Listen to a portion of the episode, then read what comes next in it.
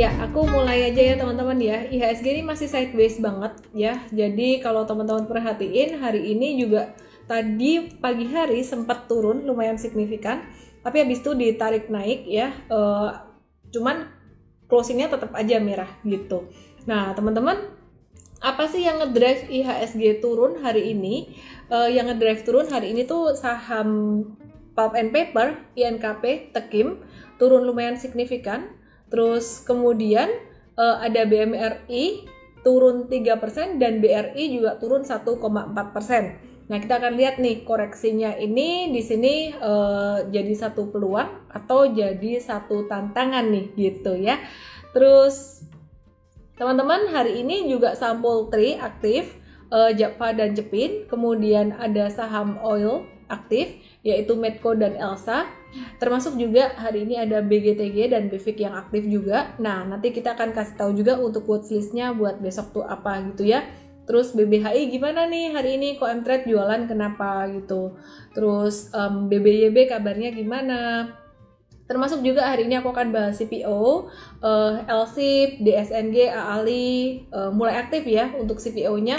Harga minyak tuh naik tinggi teman-teman dan juga harga CPO juga naik gitu. Cuman harga sahamnya belum ke mana-mana gitu. Jadi gimana kabarnya? Oke, yang pertama seperti yang tadi aku ada bahas uh, IHSG dikit, udah aku review dikit nih aku mau kasih lihat chartnya IHSG ya.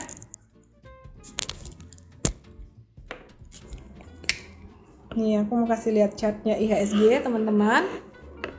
Bisa diperhatikan di sini ya. Ini IHSG ini supportnya kuat di sini sebenarnya. Uh, di sini tuh ada beberapa MA, terus sempat ketahan beberapa hari dia breakdown. Jadi masih sideways, masih belum uptrend. Patternnya mirip banget kayak pattern di bulan November kemarin which is gambar ini aku bikin udah berhari-hari yang lalu gitu. Dan ternyata yang menarik ngikutin pattern ini. Jadi di November ini sempat ada higher low higher low 4 kali. Nah terus ini juga sama 1 2 3 4 abis itu turun. Nah, apakah turunnya akan sampai sedalam di bulan uh, Desember 1 Desember ini? Yaitu sekitaran angka 6500-an bisa jadi teman-teman ya bisa jadi. Jadi kalau misalkan koreksi sampai ke uh, eh, 6500 nggak apa-apa. Yang penting jangan di bawah itu. Kalau di bawah 6500 tuh patternnya nggak bagus. Nah kemungkinannya gimana sih? Kemungkinannya bakalan kalau aku lihat sih ya bakalan lebih banyak akumulasinya daripada distribusinya. Karena kita ngelihat kemarin asing juga ada net buy untuk beberapa saham besar gitu ya. Beberapa saham perbankan besar gitu. Oke Um, dikit aku bahas tentang saham big cap perbankan karena kalau kebanyakan nanti teman-teman bosen padahal penting banget ya. Jadi tips untuk strategi investasi saat ini, investasi saham saat ini mungkin teman-teman lagi pusing nih kayak wah sahamnya yang second liner tuh kayak naik turunnya tuh parah banget gitu. Naik bentar turun lagi, naik bentar turun lagi buat trading tuh kayaknya susah gitu. Yang harus dilakukan apa sih? Yang harus dilakukan sebenarnya adalah membagi portfoliomu sebagian untuk saham-saham yang stabil, yang bisa jadi bantalan portfoliomu nggak terlalu volatile naik turun. Sedangkan sebagian lagi itu untuk trading. Nah, tergantung uh, pengalamanmu nih. Kalau misalkan siap dengan yang namanya fluktuasi bisa mantau market, bisa lebih banyak tradingnya sedangkan kalau misalkan nggak siap ya uh, lebih banyak untuk yang saham-saham yang lebih stabil intinya hal ini tuh aku ulang-ulang terus tiap hari dan aku nggak ngomong berapa persen harus saham uh, yang stabil berapa persen saham yang cenderung untuk trading karena itu preferensi masing-masing ya. Jadi kesiapan hati masing-masing juga gitu. Cuman kalau aku boleh saranin nih ya teman-teman mungkin sekarang tuh up to 50% teman-teman boleh pilih di saham-saham big caps perbankan gitu ya. Jadi kayak BCA kemarin kita antisipasi kalau teman-teman ngikutin terus IG live aku uh, eh, BCA itu kita antisipasi untuk buy on weakness sekitaran 7.500 sampai 7.600. Nah, uh, dua hari yang lalu dia turun, kemarin sih dia turun tuh sampai 7.550 habis itu mantul lagi. Dan hari ini tadi BCA juga lumayan hijau dikit gitu.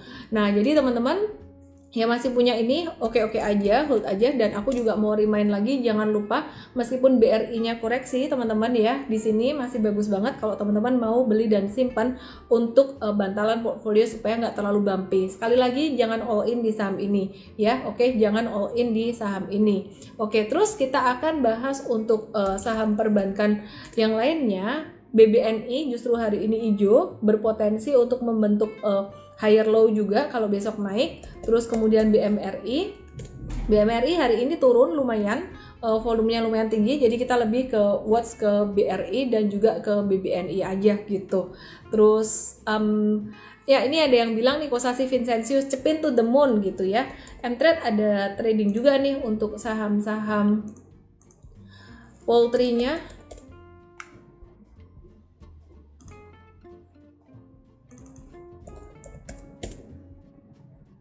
Oke, jadi kita kemarin beli Java, kita kemarin beli Java. Uh, saat ini kita lagi masih hold Javanya uh, cuan sekitaran 5% ya. Jadi kita masuknya di Java.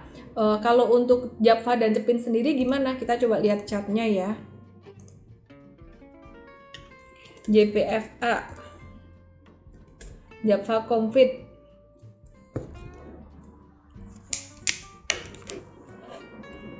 Nah, ini kalau teman-teman perhatikan ya, Java ini ya, dia tadinya ini stage 4 turun, terus kemudian ini stage 1, sekarang tuh udah mulai masuk stage 2. Sejak kapan dia masuk stage 2? Dia masuk stage 2 tuh sejak dia breakout di sini nih sebenarnya, ya. Jadi ini ada satu resisten dia breakout di sini. Terus sempat ada false breakout dikit balik dia balik naik lagi. Jadi kesimpulannya Java apakah udah uptrend? Belum belum uptrend tapi trennya sudah mulai cukup membaik. Nah dalam jangka pendek dalam waktu mungkin sekitaran 1 sampai 2 hari Java ini dia bisa mencapai level sekitaran 1800 sampai 1815-an gitu. Dan kemudian selain itu uh, kalau dia berhasil melampaui 1815 next resistance atau next targetnya bisa sampai ke level 2000-an ya 1950 lah di sini. 1950 ini lumayan kuat resisten di sini. Ya jadi teman-teman yang sempat nyangkut di Java uh, hold dulu aja hold dulu. Mungkin sekitaran 1815 bakalan turun dikit tapi abis itu bakalan bisa naik lagi gitu. Oke okay. Terus uh, ini bukan pattern cup and handle ya teman-teman. Kalau pattern cup and handle tuh keluarnya di atas. Jadi uptrend, terus ada cup, terus ada handle-nya gitu.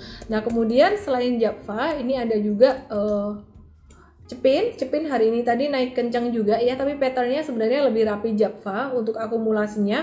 Karena Cepin itu kadang-kadang kalau dia naik tuh banyak ekor kayak gini nih. Jadi hati-hati kalau uh, trading di Cepin, jangan ngejar di atas ya. Maka dari itu M-Trade lebih pilih ke Java, patternnya lebih rapi untuk akumulasinya. Nah hari ini Cepin naik, dia naik sekitar 2% ya ini, 3% tapi candlenya cakep uh, kena resisten MA 200 jadi uh, kita nggak kejar untuk cepinnya. Palingan untuk teman-teman yang trading dalam 1-2 hari lagi untuk swing trader bisa profit taking. Kira-kira gitu. Nah kalau kita ngelihat ngelihat cepin ini gimana sih? Udah cukup kuat belum ya? Uh, udah cukup stabil belum gitu untuk cepin ini?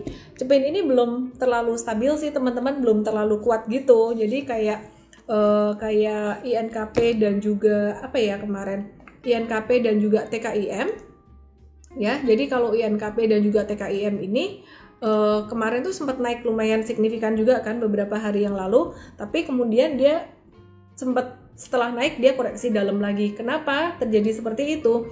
Seperti yang saya sempat cerita sebelumnya, kalau saham naik, naiknya tuh abis downtrend, abis downtrend terus naik gitu ya, didahului downtrend terus naik, itu banyak nyangkuters gitu. Dan mereka cenderung akan buang barang kalau sahamnya naik dan selain itu uh, yang di bawah-bawah juga mereka cenderung profit taking. Jadi resistennya masih banyak naiknya tuh masih berat gitu. Lain halnya kalau saham itu didahului oleh uptrend. Kalau didahului oleh uptrend uh, sideways breakout lagi itu biasanya akan larinya lebih cepat gitu ya. Contoh saham yang didahului oleh uptrend apa? Ya tadi yang pertama dimention ada BCA Kemudian yang kedua ada Saratoga. Saratoga ini untuk second linernya ya, yang dia didahului uptrend terus kemudian sideways gitu. Oke, sebelum aku lanjutkan teman-teman, aku kelupaan kasih disclaimer ya. Jadi Instagram live malam hari ini sifatnya adalah edukasi dan kita pakai analisis teknikal dan juga analisis fundamental. Tapi tetap aja ada resiko di market yang kita mesti antisipasi. Caranya dengan money management, masukin duitnya jangan all in. Oke, um, tadi aku ada bahas INK eh apa ya JPFA dan juga Java dan juga apa tadi ya uh, Cepin. Nah sekarang aku mau bahas yang Saratoga nih. Aku mau kasih lihat yang uptrend Terus kemudian sideways itu gimana? Sideways yang didahului uptrend ya. Jadi ada uptrend yang didahului downtrend, tapi ada juga yang didahului uptrend. Nah, ini teman-teman perhatikan, ini tuh dia didahului dengan uptrend terus kemudian dia sideways gitu. Nah, ini uh, bakalan lebih terlepas dari apa sahamnya ya pattern kayak gini tuh bakalan lebih ringan naiknya dan sekarang dia lagi di area support misalkan teman-teman beli ini uh, hari ini tadi ada buy on weakness stop lossnya ya di bawah 2670 breakdown dari sini batasi resiko atau stop loss. Dan juga kita technical tuh sebenarnya simple aja. Kita perhatikan high and low. Low itu jurang high itu gunung jadi kalau teman-teman perhatikan uh, di sini ada resisten, gunungnya di sini 3050, ini batas sideways-nya. Kalau breakout dari 3050 dia bakalan jadi uptrend lagi alias teman-teman bisa hold lebih lama gitu. Nah, terus ini banyak juga yang galau, tadi sempat kesebut TKIM dan INKP uh, eh, turun banyak gitu. Terus apa yang harus dilakukan saat ini? Nah, teman-teman bisa perhatikan ini. Ini adalah contoh uh, akumulasi yang didahului dengan downtrend aku aku bersihin dulu ya. Hmm, ini tuh akumulasi yang didahului dengan downtrend ya bahkan downtrendnya bukan cuma dari sini loh. Downtrendnya tuh dari sini nih. Udah banyak banget udah lama downtrendnya ya jadi udah dari atas dari tinggi sini. Uh, downtrendnya udah dari atas gitu. Terus di sini udah mulai ada tanda akumulasi tanggal uh, sekitaran 29 September dia naik dengan volume transaksi lumayan tinggi. Nah, tapi setelah naik lumayan signifikan di sini ini naik sekitaran kita hitung 29% ini banyak yang profit taking. Yang dari bawah ini udah cuan sekitar 30-an persen mereka jualan dan para nyangkuters di sini mereka buang barang gitu. Jadi banyak banget yang ketakutan di sini, fear-nya masih gede banget gitu. Uh, pertanyaannya sekarang mesti diapain yang punya uh, eh, INKP dan yang punya TKIM? Misalkan teman-teman kemarin ada beli di sini ya, ini kan breakout nih. Seandainya ada beli di sini atau ada buy on weakness di sini. Ini harusnya di sini nih udah stop loss, udah batasi resiko. Tapi kalau teman-teman belinya jauh di atas ini, misalkan sempat belinya di di atas, ini kan harga sekarang sekitaran uh, eh, 7000 nih misalkan teman-teman sempat punyanya di 16.000 atau 17.000 ya udah ditunggu aja sih. Uh, ini kalau ngelihat fundamental perusahaannya INKP dan juga TKIM ini bukan perusahaan yang buruk gitu loh, bukan perusahaan yang jelek. Jadi tunggu rotasi sektoral aja gitu. Nah, ini aku ngejawab pertanyaan Valentin Laura 88. Gimana bisa tahu candlenya pasti akan breakout sebelum pasar modal tutup? Kita nggak bisa tahu ya breakoutnya tuh bakalan breakout confirm breakout atau false breakout. Nah, gimana bisa tahu itu uh, confirm breakout atau false breakout? Ya harus nunggu market tutup. Tapi antisipasinya adalah yang pertama uh, pattern pattern. Jadi breakout yang terjadi dari sideways panjang itu bagus banget. Contohnya breakout yang terjadi pada Kalbe Pharma dan juga pada TLKM. Nah, ini aku kasih lihat ya breakout yang terjadi pada Kalbe Pharma tuh kayak gimana. Nih, buat yang nanya tadi gimana caranya tahu breakoutnya bakalan uh, konsisten atau enggak atau bakalan false breakout. Ini didahului sideways panjang, ini bagus banget. Dan ketika sideways volumenya mesti konvergen. Kalau konvergen tuh hijau lebih tinggi daripada merah. Nah, kalau teman-teman perhatikan di sini, ini merah lebih tinggi daripada hijau, ini nggak bagus. Jadi jangan masuk dulu. Nah, mulai terlihat konvergen tuh di sini, hijaunya mulai lebih tinggi daripada merah dan dia sideways panjang gitu. Ya, ini perhatikan di sini terjadi breakout, breakoutnya dengan volume tinggi. Nah, mungkin teman-teman berpikir nih, wah ini beneran uh, breakout nggak ya pas hari itu? Confirm breakout nggak ya? Uh, dilihat volumenya. Yang pertama dilihat volumenya dan dilihat patternnya. Nah, selama terbentuk sideways panjang ini, sebaiknya terjadi konvergensi antara harga dan juga volume gitu. Oke, okay. oke okay, teman-teman. Ini contoh Kalbe Pharma, kemudian aku akan kasih contoh lagi, satu lagi. Kebetulan contohnya dua, ini dari saham Big Cap gitu. Nah, ini dari TLKM. Ini dari TLKM. Ini sideways TLKM. Sidewaysnya TLKM, breakoutnya sih nggak begitu keren volumenya, tapi cukup oke. Okay. Ya jadi didahului sideways panjang gitu. Nah itu sih teman-teman. Kemudian tips yang berikutnya untuk menghindari false breakout adalah uh, cari saham-saham yang ekornya tuh nggak panjang gitu. Jadi kalau ada saham yang ekornya panjang-panjang itu cenderung dia biasanya habis naik terus turun lagi, habis naik terus turun lagi. Nah kalau kayak uh, eh, TLKM dan juga KLBF tadi candlenya tuh cenderung solid gitu loh, cenderung nggak banyak ekor gitu. Jadi be very careful kalau candlenya ekor panjang gitu. Uh, contoh saham yang candlenya ekor panjang adalah Gosco. Jadi ketika dulu Mtrade ada uh, scalping Gosco pada tanggal 30 Desember tuh lumayan dapat belasan persen gitu kita langsung cepet jual. Jadi begitu beli naik naik naik naik terus begitu dia turun dikit aja kita langsung jual. Kalau itu strategi scalping gitu ya. Nah kenapa? Karena ekornya panjang-panjang kalau ngelihat historicalnya. Nah nih kayak gini nih.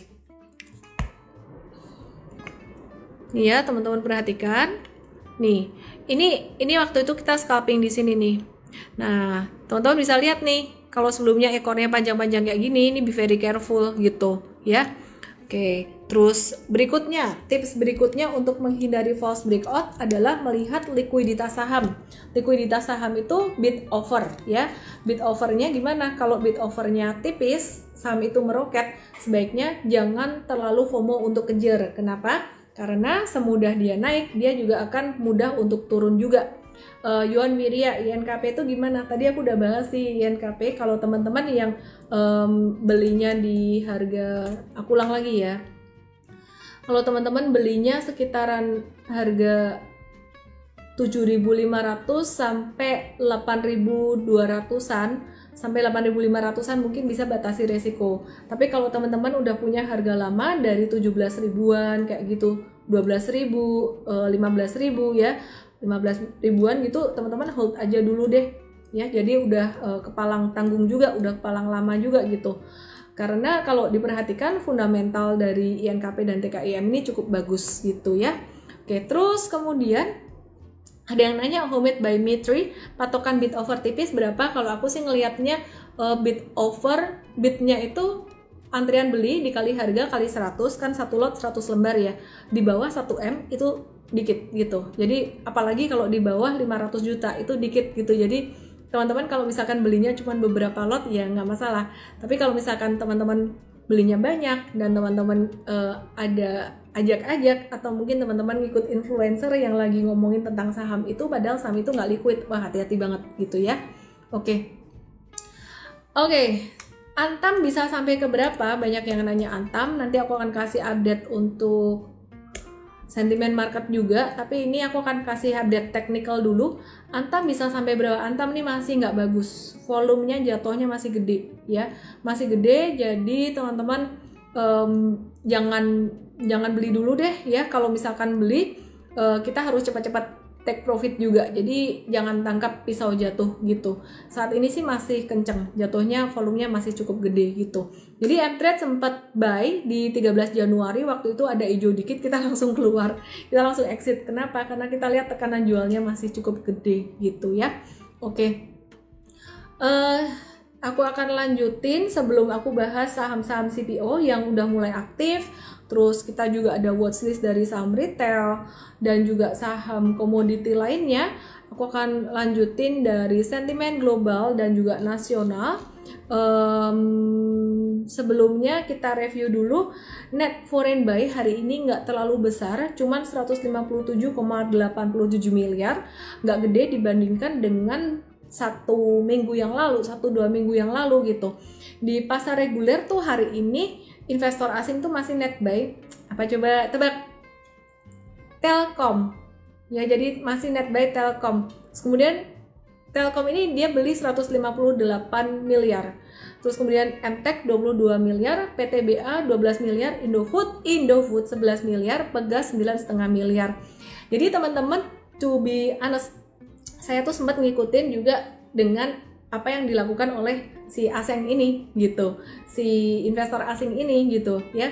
Karena mau nggak mau mereka tuh duit gede yang bisa gerakin market juga. Mau investor asing mau investor lokal sebenarnya kalau institusi itu duit gede bakalan gerakin harga saham. Jadi seminggu dua minggu yang lalu ketika si asing ketika foreign itu net buy BCA sampai ratusan miliar bahkan sampai satu triliun saya ikutan beli. Saya ikutan beli waktu itu. Uh, harganya ya harga-harga sekarang kan sekarang udah agak-agak turun gitu. Terus kemudian ketika mereka beli saham BRI, saya ikutan beli. Kenapa? uh, kenapa kok nggak belinya wah ntar aja atau gimana? Ya udah kita ngikutin timingnya mereka. Kalau mereka beli saya beli gitu. Nanti ketika mereka profit taking mungkin kita juga akan profit taking gitu. Terus kemudian berikutnya TLKM saya juga ikutan beli. Tapi porsinya nggak segede saham-saham perbankan itu. Nah untuk saham-saham yang lainnya gimana? Kayak Arto terus kayak PTBA uh, Pegas untuk empat saham ini yang juga banyak dibeli asing selama sepekan terakhir, aku nggak banyak beli gitu karena e, berdasarkan pertimbangan aku sendiri secara fundamental beberapa saham ini cenderung sifatnya siklikal gitu. Kalau Arto sendiri sebenarnya itu bagus juga ya kapitalisasi dia tuh juga udah gede. Tapi bentar ya aku kedinginan matiin AC dulu. Oke, okay. tapi untuk Arto sendiri bank-bank digital itu aku kok gimana ya? Aku belum punya uh, satu keyakinan gitu loh I I don't have faith untuk saham-saham bank digital untuk aku uh, beli dan tidur beli dan biarin lama gitu aku belum belum gimana masih trading aja lah trading pun antara swing trading atau jangka menengah gitu jadi kayak BBHI aku juga masuknya untuk trading aja dan uh, porsi di portfolio aku juga kalau asing beli BCA gede ya aku gedein di situ. Uh, asing beli BRI nggak segede BCA ya berarti itu nomor 2 TLKM-nya nggak segede itu oh berarti nomor 3 gitu. Dan selebihnya hanya untuk tambah-tambahan aja. Dan yang menarik hari ini tuh uh, eh, BNI tadi juga net pay asing. Iya bener. Uh, yang menarik hari ini tuh si Aseng mulai masuk in Indofood. Tapi angkanya cuma 11,8 miliar. Nah di sini pelajarannya adalah oke okay lah boleh mulai nyicil saham ini gitu ya. Jadi uh, kita mulai beli saham ini boleh tapi jangan banyak-banyak. Nah sekarang aku mau ngomongin konst eh konstruksi consumer saham consumer good. Dikit aku mau ngomongin consumer good. Uh, bicara tentang Indofood ICBP Unilever dan kawan-kawan. Beberapa hari kemarin tuh sempat ada satu postingan di uh, Instagram aku potongan dari IG Live tuh kayak ngomongin uh, ini ya satu reels tuh ngomongin tentang sebenarnya tentang money management. Tapi di situ ada mention tentang saham Unilever. Waktu itu aku ada mention uh, Unilever valuasinya terdiskon. Nah menurutmu gimana nih? Cuma dijawab dulu. Unilever terdiskon nggak? Di situ banyak yang komen banyak yang nanya wah Unilever enggak loh? Valuasinya dia mahal loh. PI-nya dia 26 ada yang bilang 26 sebenarnya saat ini PI dia 23,9 uh, aku bahas dari Unilever dulu ya karena banyak yang nanyain ini PI-nya 23,9 itu mahal loh gitu. Iya, dibandingkan apa dulu gitu. Kalau kamu bandingin dengan saham-saham yang lain, ya dia termasuk mahal. Tapi kalau kamu bandingin dengan historicalnya dia, tahu nggak average PI-nya Unilever ini dalam lima tahun berapa? 40 kali 40,4 kali. Sehingga saat ini diskon valuasi atau diskon PI-nya tuh 40,8%. Ada yang bilang dulu tuh dulu dulu uh, dulu Miss Ellen atau C Ellen tuh pernah uh, bikin ini loh seminar tentang value stocks dan salah satunya Unilever dibahas uh, diskon valuasinya. Benar, jadi waktu itu memang uh, valuasinya diskon di angka sekitaran 27 28-an gitu sekitaran tahun 2020-an. 2021 lebih dalam lagi waktu itu ya. Jadi 2022 sekarang udah agak tinggi. Uh, view saya berubah nggak? View saya masih sama. View saya masih sama gitu si uh, Unilever ini ya. Dan sebenarnya ini bicara soal mindset value investor atau trader. Kalau mindsetnya value investor, discounted uh, sahamnya, valuasinya, justru mereka malah beli lagi. Pertanyaannya adalah duitnya cukup nggak? Sebanyak apa duitmu? Aku punya teman satu value investor yang kaya banget. Kayaknya sekaya apa? Yang ini uh, ini dia ngomong kayak gini. Waktu itu ya, aku masuk saham baru 70M. 70M tuh baru gitu. Jadi bayangin aja. Jadi kayak duitnya nggak ada serinya. Jadi ketika dia suka saham-saham kayak gini, instead of uh, saham-saham teknologi gitu loh. Dan um, bagusnya dia terhindar dari loss kayak Bukalapak tapi nggak bagusnya ya dia kelewat kayak peluang dari BBYB atau dan seterusnya. Sehingga ketika si Unilever dan saham-saham value ini turun old economy ini turun dia tambah-tambah-tambah beli terus gitu. Ya anyway sebenarnya uh, ini bicara tentang mindset aja. Terus teman-teman ada yang ngomong nih bagus banget nih pertanyaannya ya. Pertanyaannya kayak gini wah kalau Unilever ini uh, value stock ya misalkan dia valuasinya terdiskon atau saham apa pun lah valuasinya terdiskon tapi harga sahamnya nggak naik-naik Nah, ini mindset yang mestinya harus dilurusin gitu. Kalau kamu bicara value stock ya, value stock itu uh, memang kita tidak berharap harga saham naik cepat. Jadi kalau value stock memang murah. Murah itu dalam arti murahnya ini uh, gimana ya? Yang namanya murah itu dia turun terus karena kan memang peminatnya belum banyak gitu loh. Jadi naiknya memang pelan-pelan. Value stock tuh memang lelet gitu loh. Kalau kamu mau cepat, mau cepat masuknya ke growth stock ya. Kalau growth stock dia akan lebih cepat. Nah, kalau growth stock berarti masuknya bukan pada saham-saham yang old economy, tapi lebih pada saham-saham yang uh, new economy kayak digital perbankan kayak gitu-gitu. Summary aku untuk sektor consumer good adalah valuasinya sangat murah sekali, terutama untuk ICBP dan Indofood dan kemarin sempat single digit untuk valuasinya. Uh, detailnya besok akan dibahas di morning briefing ya untuk uh, diskon valuasinya berapa. Hanya saja kalau teman-teman nanya dia bakalan naik cepat atau enggak, enggak. Kesimpulannya, value stock pada saham-saham consumer good ini ini cocoknya buat orang yang benar-benar duitnya lebih-lebih banget. Yang kalau ditaruh di deposito tuh dia ngerasa returnnya dikit, eh, lebih baik ditaruh di saham dan dalam waktu satu tahun, dua tahun ini bakalan recover. Bakalan naik nggak? Oh bakalan naik kalau COVID-19-nya kelar ya, kalau COVID-19-nya selesai gitu. Nah COVID-19 kira-kira bakalan kelar nggak sih? Kalau kita lihat sih uh, kayaknya udah mulai terbentuk apa namanya? Udah mulai terbentuk uh, herd immunity gitu.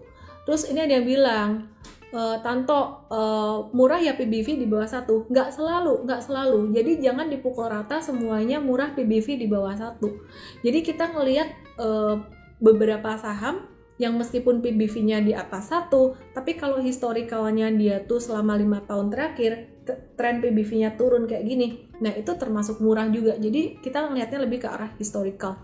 Indofood atau ICBP, aku sih lebih ke ICBP. Tapi sekali lagi aku bukan di sini lagi lagi promoin untuk saham-saham consumer good enggak tetap prioritasnya adalah perbankan e, besar untuk investingnya. Sekarang kita ke trading lagi nih, karena teman-teman di sini pasti banyak yang trader dong, nggak sabar nih ya kalau misalkan diajak investasi jangka panjang gitu. Miss M-Trade ada rencana edukasi kripto nggak ada setiap Rabu setengah Rabu setengah tujuh kalau nggak salah sama hari Minggu jam 4 sore itu ada. Jadi kita kasih edukasi juga gitu ya. Um, Ya, sebelum aku bahas saham-saham yang teman-teman tanyain, Cangcongan, Miss Pom Pom Unilever enggak, aku nggak suruh kamu beli Unilever. Unilever itu prioritas yang kesekian lah dibandingin perbankan besar. Oke, okay? dan bahkan belum dibayar asing, jadi ya nggak perlu sampai gimana banget sama saham ini gitu. Uh, Unilever belum disukai Big Fund, benar, memang belum disukai Big Fund karena prospek bisnisnya masih berat karena COVID-19 ini. Benar sih. Jadi tunggu aja nanti si Aseng masuk baru kita masuk. Sekarang sih Aseng baru masuk ke Indofood dikit hari ini. Tahu ya? Jadi jangan banyak-banyak masuknya. Oke, sebelum aku bahas saham-saham trading, teman-teman yang bakalan uh, aktif besok gitu. Uh, aku akan bahas dulu untuk makro dikit ya hari ini tuh bursa Asia ini melemah termasuk IHSG melemah itu kenapa sih sebenarnya karena didorong oleh lanjutan kenaikan bond yield Amerika gitu ya. Jadi ekspektasi investor tuh terhadap pengetatan kebijakan moneter Amerika tuh masih tinggi gitu. Uh, dan masih masih dibayang-bayangi oleh tapering juga ya teman-teman ya. Jadi hal ini juga mendorong aksi jual atau sell off di obligasi Amerika sehingga berdampak pada yield obligasinya itu naik mencapai 1,9% pada hari ini. Nah, biasanya kalau yield obligasi Amerika naik, saham tuh turun, baik di Amerika maupun di Indonesia maupun di negara-negara yang lain di Asia. Karena Amerika sering kali dianggap menjadi benchmark gitu. Nah, yang perlu di highlight lampu kuning sekarang. Kenapa IHSG agak-agak turun juga? Kenapa? Uh, karena kasus Omicron ini semakin banyak ya dan juga udah mulai angkanya tuh udah mulai ngejar angkanya Delta. Meskipun tingkat kematiannya nggak setinggi uh, Delta gitu ya. Capricorn Jan 16 sama multi bagger kasih bocorannya dong. Besok deh satu ya kita bahas lengkapnya. Nanti kalau dibocorin di sini dibilang pom-pom lagi aduh repot. Oke, okay, besok bakalan rilis data jobless claim Amerika. Data jobless claim Amerika itu uh, besok diperkirakan forecastnya di angka 232 ribu dan uh, konsensus di angka 220 ribu sebelumnya di 230 ribu jadi sebenarnya ya nggak beda-beda banyak dengan yang sebelumnya jadi masih stabil aja gitu terus yang menarik adalah harga minyak. Harga minyak ini naik terus. Jadi teman-teman hari ini tadi kita juga tertarik dengan saham apa coba? Medco Medco um, hari ini tadi kita beli baru untung dikit sekitaran 2,5 sampai 2,9 persen. Teman-teman bisa lihat di sini nih chartnya ya. Kita mulai omik ya bener apa sih? Omikron atau omikron omikron ya? Oke. okay. I'm distracted kenapa hasilnya dingin banget di sini ya Oke, okay, kita sekarang mau lihat Medco ya. Kita analisis Medco. Aku bersihin dulu chart aku. Oke, sekarang teman-teman kayak UN Mbak di sini. UN ujian negara. Miss, harga minyak goreng di Indomaret berebut. Ah, iya. Oke, nih teman-teman lihat lihat ini ya. Ini Medco. Analisisnya gimana nih? Ini stage berapa nih sekarang nih ya? Oke, aku langsung aja jawab ya. Ini kayak gini nih sebenarnya teman-teman bisa dapat real time tuh di Mtrade, nggak perlu telat uh, nungguin malam kayak gini. Nah, Mtrade udah beli nih tadi. Nah, teman-teman, ini stage 4. Terus kemudian ini sideways, ini stage 1. Uh, dan dia sedang berjuang untuk breakout dari stage satunya tadi kena resisten di 512 Abis itu turun lagi nih, volume transaksinya tinggi. Kemungkinannya gimana? Kemungkinan besar kita kalau trading bicara tentang probability ya, nggak ada yang 100% pasti. Jadi jangan duitmu semuanya dimasukin ke sini semua. Uh, kemungkinannya adalah kita bisa uh, lihat ini dia bisa breakout karena hari ini tuh naiknya volumenya sangat tinggi sekali dan juga harga oil naik lumayan signifikan dalam beberapa hari terakhir. Nah, teman-teman, uh, kalau harga oil gimana chartnya besok akan dibahas di morning briefing. Terus kemudian di sini uh, ada resisten berikutnya 562. Sekali lagi, ini Medco ini dia memang patternnya cukup menarik, tapi dia bekas break, bekas downtrend.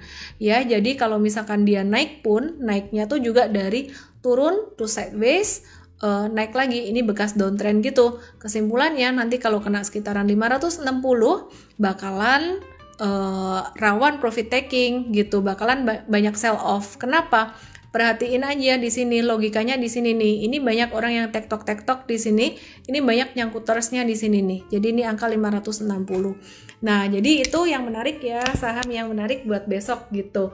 Terus gimana dong? Uh, tadi udah naik nih telat biar nggak telat ikut M-Trade. Oke? Okay?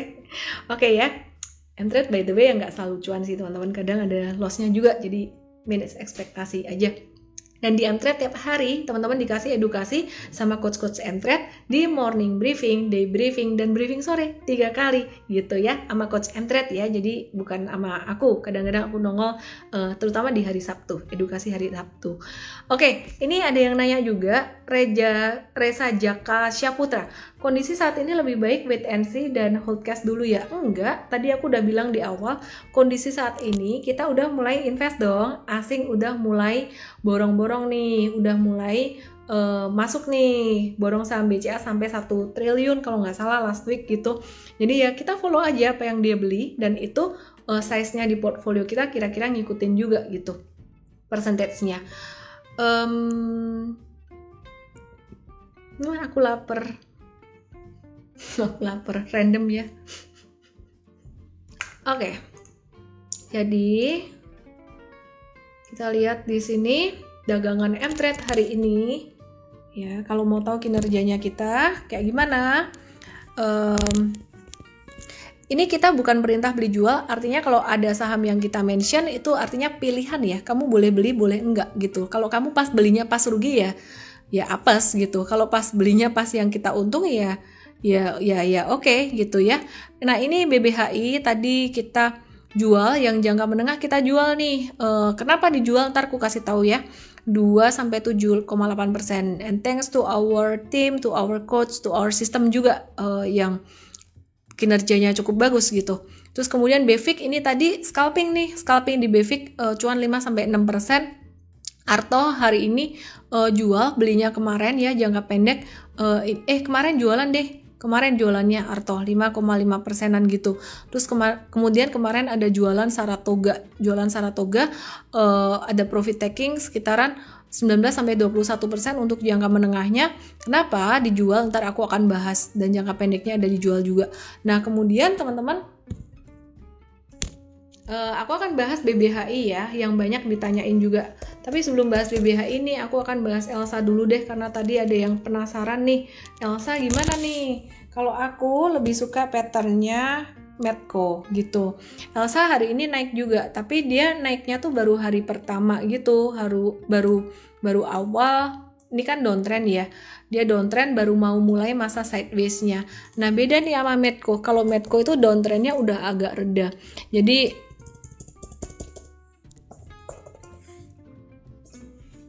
Nah, dia downtrendnya udah agak reda nih, perhatikan. Dia udah nggak downtrend lagi, tapi dia udah mulai sideways dan bahkan udah mulai uh, mau jebolin resisten 512 ini. Kalau dia jebol resisten 512 atau 514 ini, dia bakalan uh, lanjut uptrend, balik uptrend lagi gitu. Oke. Okay. Uh, ini ada yang nanya, the rolling ice, this candle kenapa Kenapa candle hijau volumenya bisa merah? Bagus nggak tuh hijaunya? Enggak sih kalau di M-Track uh, di charting tools kita kalau candle hijau ya volumenya hijau gitu. Mungkin kamu pakai charting tools yang lain jadi persepsi hijau merahnya tuh lain. Ada tuh charting tools dari sekuritas yang uh, hijau merahnya tuh gini. Kalau misalkan volumenya lebih kecil dari volume yang kemarin itu merah gitu. Kalau volumenya lebih gede dari volume yang kemarin itu hijau gitu. Jadi dia bukan ngikutin candle. Oke, terus kemudian BBHI. BBHI ya. BBHI terus uh, apa lagi ya? Nih BBHI banyak yang penasaran hari ini kenapa sih BBHI dijual? Oke kita lihat ya kita kasih lihat ya.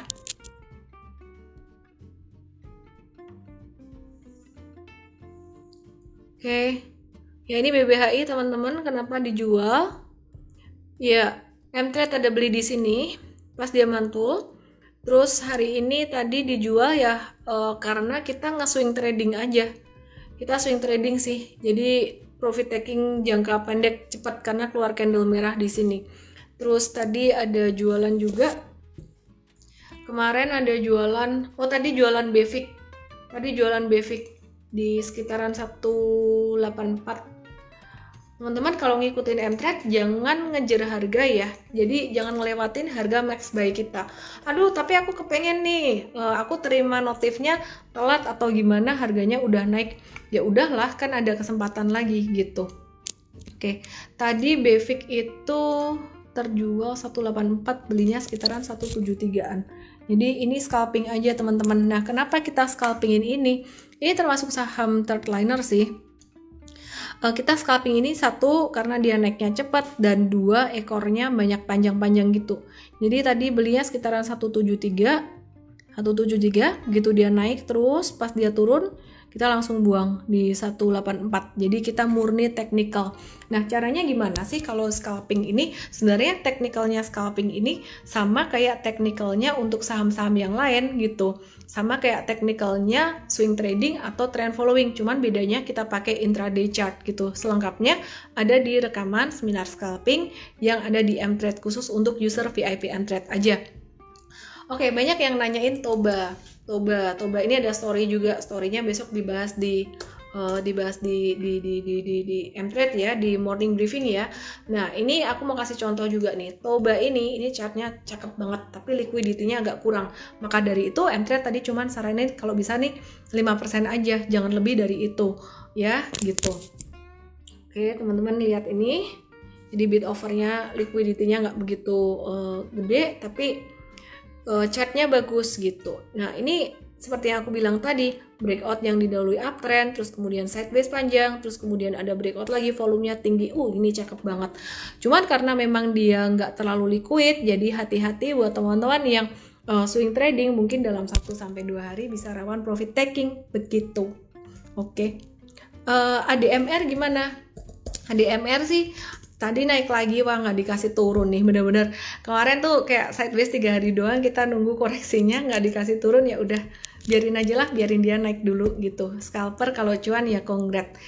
Anyway aku lapar teman-teman aku mau makan dulu. Thank you buat teman-teman yang udah setia nonton Instagram live aku. Dan hari Sabtu nanti kita ada edukasi di Mtrade tentang saham multi bagger uh, jam 10 pagi khusus untuk user VIP Mtrade ya. Dan um, anyway jangan lupa join as user VIP Mtrade supaya kamu dapat real time uh, trading signal dan juga education setiap pagi, siang dan sore ada morning day and sore briefing juga. Saya Lene, salam profit. Dadah.